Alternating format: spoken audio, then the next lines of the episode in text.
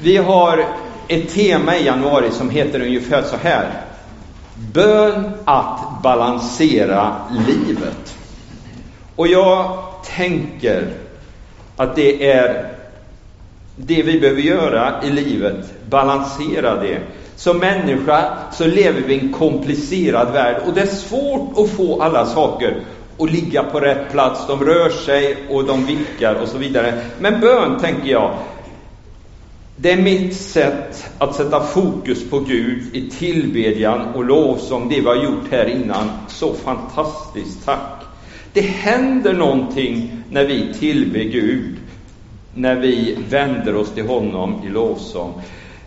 Jag behöver också tillfällen när jag utgjuter och tummer mitt hjärta, mitt inre inför Gud. Alltså du bara häver ur dig. Hur kan det se ut på det här viset? Hur kan det fungera så här? Jag behöver också ensamheten och tystnaden inför Gud. Bara jag och Gud. Och egentligen är orden överflödiga. Man kan bara sitta där i Guds närhet och formas av honom. Jag behöver också den gemensamma bönen där vi kommer överens om att tillsammans be för saker och ting. Förra veckan så var vi inne på det här gemensamt och enskilt. Det vi gör tillsammans och det gör vi gör var och en. Och nu ska jag läsa dagens bibeltext. Den är hämtad från Första Timotebrevets andra kapitel och då skriver Paulus så här. Först och främst uppmanar jag till bön, åkallan till förbön och tacksägelse för alla människor, för kungar och alla som har makt, så att vi kan leva i ett lugnt och stilla, på allt sätt fromt och värdigt. Att be så är riktigt och behagar Gud vår frälsare, som vill att alla människor ska räddas och komma till insikt om sanningen. Gud är en, och en är förmedlare mellan Gud och människor, människan Kristus Jesus. Han som gav sig själv till lösen för alla vittnesbördet när tiden var inne. Och för det har jag satsat att vara förkunnare och apostel. Jag talar sanning, jag ljuger inte. En lärare för hedningar i tro och sanning. För ungefär en månad sedan bestämde jag mig att det här får bli årsmötestexten och gjorde det med en tydlig betoning på först och främst.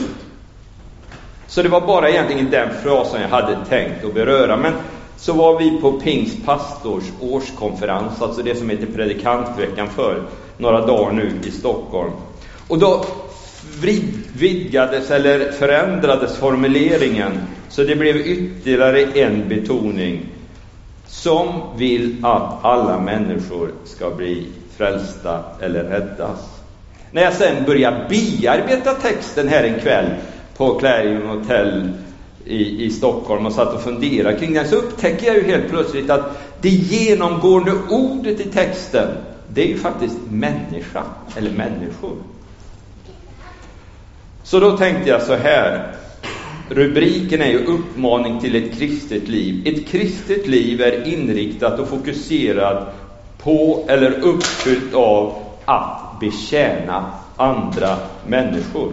Och då drar Paulus upp två huvudprinciper i texten och det är de jag kommer att beröra snabbt. Det finns naturligtvis fler principer, men jag tänker mig ändå att det är de här två som är huvudprinciperna. Och då först och främst. Först och främst. För att jag ska kunna göra något först och främst i mitt liv. För att jag liksom ska kunna bestämma att det här är det första och det främsta jag ägnar mig åt, så måste jag ju faktiskt väga olika saker mot varandra. Jag behöver värdera det jag håller på med. Det handlar om att värdera engagemang, insatser, arbete, tid, tankar mot varandra för att på något sätt försöka utröna vad är först och främst? Vad är alltså det viktiga? Vad är det avgörande? Vad är det jag vill ägna mitt liv åt? Vi har haft parentation och när vi nu sammanfattar och tittar på Uno Sandströms liv så kan vi säkert säga han hade vigt sitt liv åt det här, åt det här och det här. Kanske hade han vägt sakerna mot varandra och gjort sina val. Texten kan du naturligtvis tolka på det personliga planet. Hur gör jag med mitt liv? Men framförallt är mottagarna egentligen församlingen. Det ser du av sammanhanget. Mottagarna är den gruppen av människor som möts. Vad anser vi vara först och främst i vår församling? Ja, vi har ju gjort en vision där vi säger att vi vill satsa på undervisning, vi vill satsa på bön, vi vill satsa på gemenskap och vi vill satsa på expansion. Då kunde man säga att det är det som är först och främst. Fast egentligen har ju Paulus redan svarat i texten. Min fundering blir då mer, hur kan jag förverkliga Paulus uppmaning i församlingens liv och i mitt liv? Och jag tänker att det handlar även här om den här växelverkan mellan det vi var inne på förra söndagen, det enskilda och det offentliga. Paulus, han hade fattat sitt beslut. Han säger först och främst uppmanar jag till bön, åkallan, förbön och tacksägelse för alla människor. Det var Paulus medvetna val. Och när du läser Paulus brev så upptäcker du att det är precis så han gör. Och nu kommer det snabbt axplock ur några Paulus brev. Paulus han skriver så här till församlingen i Rom. Först och främst tackar jag alltid min Gud genom Jesus Kristus för, för er alla, därför att man i hela världen talar om er tro. I första Korinthierbrevet skriver han, jag tackar alltid min Gud för att han har gett er sin nåd genom Jesus Kristus. I Efesebrevet så skriver han, jag upphör därför aldrig att tacka Gud för er. Jag nämner er i mina böner sedan jag hört om er tro på Herren Jesus Kristus och er kärlek till alla de heliga. I Filipperbrevet skriver han, jag tackar min Gud var gång jag tänker på er, alltid i mina böner för er alla. Och det är med glädje jag ber för er och i Kolosserbrevet skriver han, vi tackar alltid Gud, vår Herre Jesu Kristi Fader, var gång vi ber för er, ty vi har hört berättas om er tro på Kristus Jesus, om den kärlek ni hyser till alla de heliga. Paulus hade gjort ett medvetet val, han sagt, först och främst uppmanar till bön, åkallan och tacksägelse. Och när du tittar på Paulus liv så ser du att precis så var det. Det fick konsekvenser i hans liv. Och jag tänker att vi behöver göra de här medvetna valen. Och jag tror faktiskt man behöver göra dem gång på gång i livet. Jag tror inte det räcker med en gång, utan jag tror egentligen du behöver göra det varje år. Vi behöver göra dem för på församlingsplanet. Paulus han hade gjort ett medvetet val och det syntes i hans liv. Paulus agerade utifrån sitt medvetna val. Han säger i Efesierbrevet Be också för mig att orden läggs i min mun när jag talar frimodigt och när jag bär fram hemligheten i evangeliet, vars sändebud jag är i min fångenskap. Be att jag förkunnar så frimodigt som jag bör. Alltså, valet styrde hans agerande. Han säger till korinterna i Andra Korinthierbrevet, till församlingen Korint, och ni ska hjälpa till med er bön för oss. Och det är många som tackar Gud för den nåd vi får genom mångas medverkan. Alltså, beslutet syntes i hans liv. Beslutet styrde hans agerande. Och beslutet gör att han möter situationer utifrån det. I Apostlagärningarna 16 kapitel så är ju berättelsen när Paulus och Silas har hamnat i fängelse för att de har predikat. De sitter längst in i den mörkaste cellen, de sitter fast kedjade i stocken och de väntar på sin dom. Men då gör Paulus som han liksom har bestämt sig för att göra från början. Styrd utifrån sitt medvetna val, så står det så här. Vid midnatt höll Paulus och Silas bön och sjöng lovsånger till Gud. Och de andra fångarna hörde på. Plötsligt kom ett kraftigt jordskalv så att fängelset skakade i sina grundvalar. I detsamma sprang alla dörrar upp och bojorna föll av dem. Han var konsekvent, Paulus. Först och främst tänker jag, det är det här jag behöver viga mitt liv åt, säger han. Det syns när han skriver.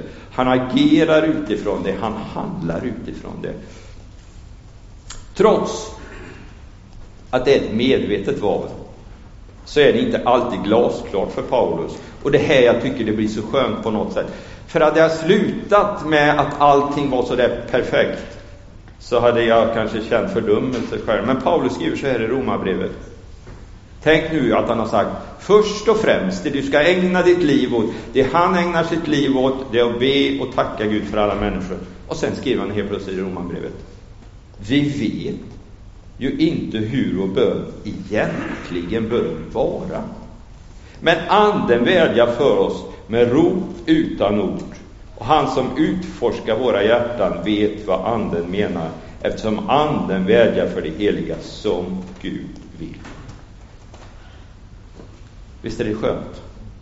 Trots att du och jag fattat ett medvetet val, vi försöker agera ifrån det, så går det inte alltid så bra för Paulus och det går inte alltid så bra för oss. Men någonstans får vi då luta mot, vi vet inte hur det egentligen bör vara. Men Gud är större. Han har sänt sin Ande in i våra liv och han vädjar för oss.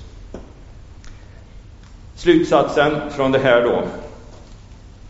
Ja, som församling, Paulus, vi, eh, Paulus, Patrik, det var samma bokstav i varje fall.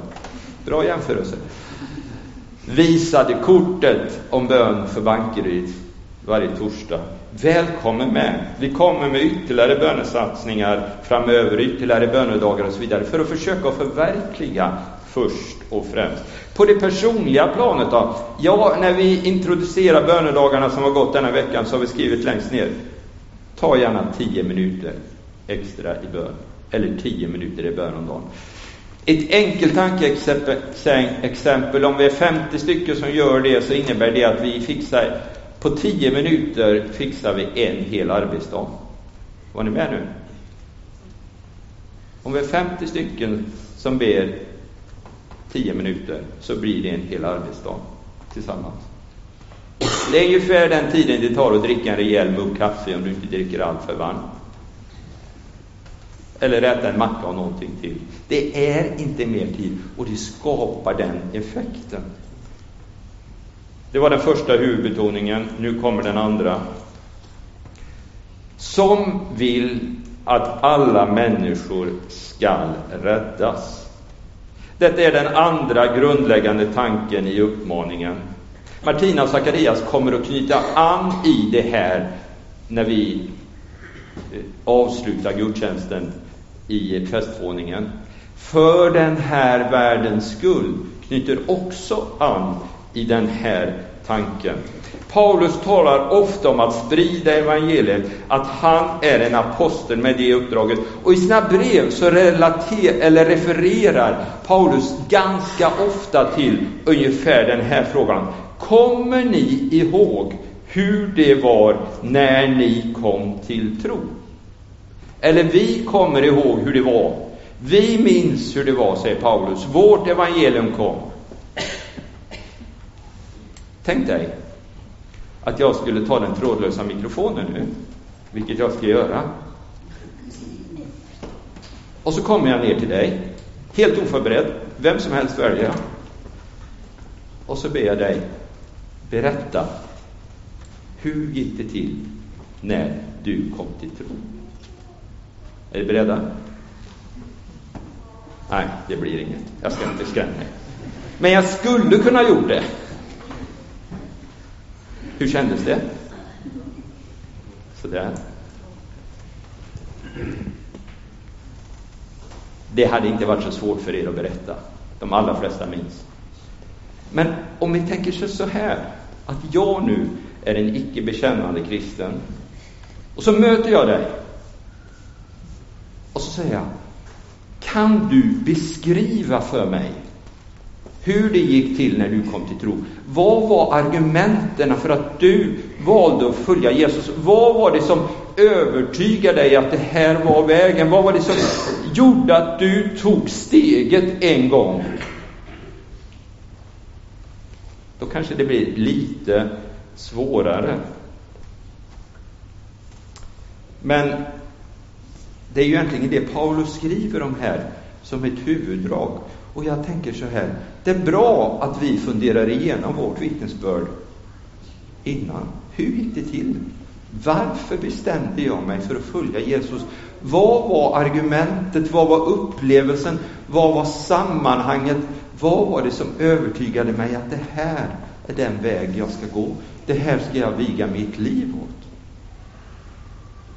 Det upplever jag är det andra huvuddraget i den här texten. Och varför behöver vi ha detta klart för oss? Jo, jag tänker tre snabba argument. Jag tror att det är grundläggande. Ge som gåva det ni har fått som gåva, står det. Jag har fått något som är bra, delar jag det gärna, delar jag gärna av med mig av det. Alltså, jag har fått en gåva som är så fantastisk. För den här världens skull har jag fått den. Därför tänker jag att jag behöver tänka igenom det. Det är grundläggande. Det är ett uppdrag vi har fått. Men ni ska få kraft när den helige Ande kommer över er och ni ska vittna mig i Jerusalem och Judeen och Samarien och ända till jordens yttersta gräns. Det är vårt uppdrag. Berätta. På olika sätt. Det behöver inte vara med ord. Det motverkar också det här introverta Gud är en och en är förmedlare mellan Gud och människa, människan Jesus Kristus, som gav sig själv. Alltså, Gud blev människa för min skull. Han gick ner i mitt sammanhang. Och jag behöver gå ut i människors sammanhang precis som han gick in i mitt sammanhang. Först och främst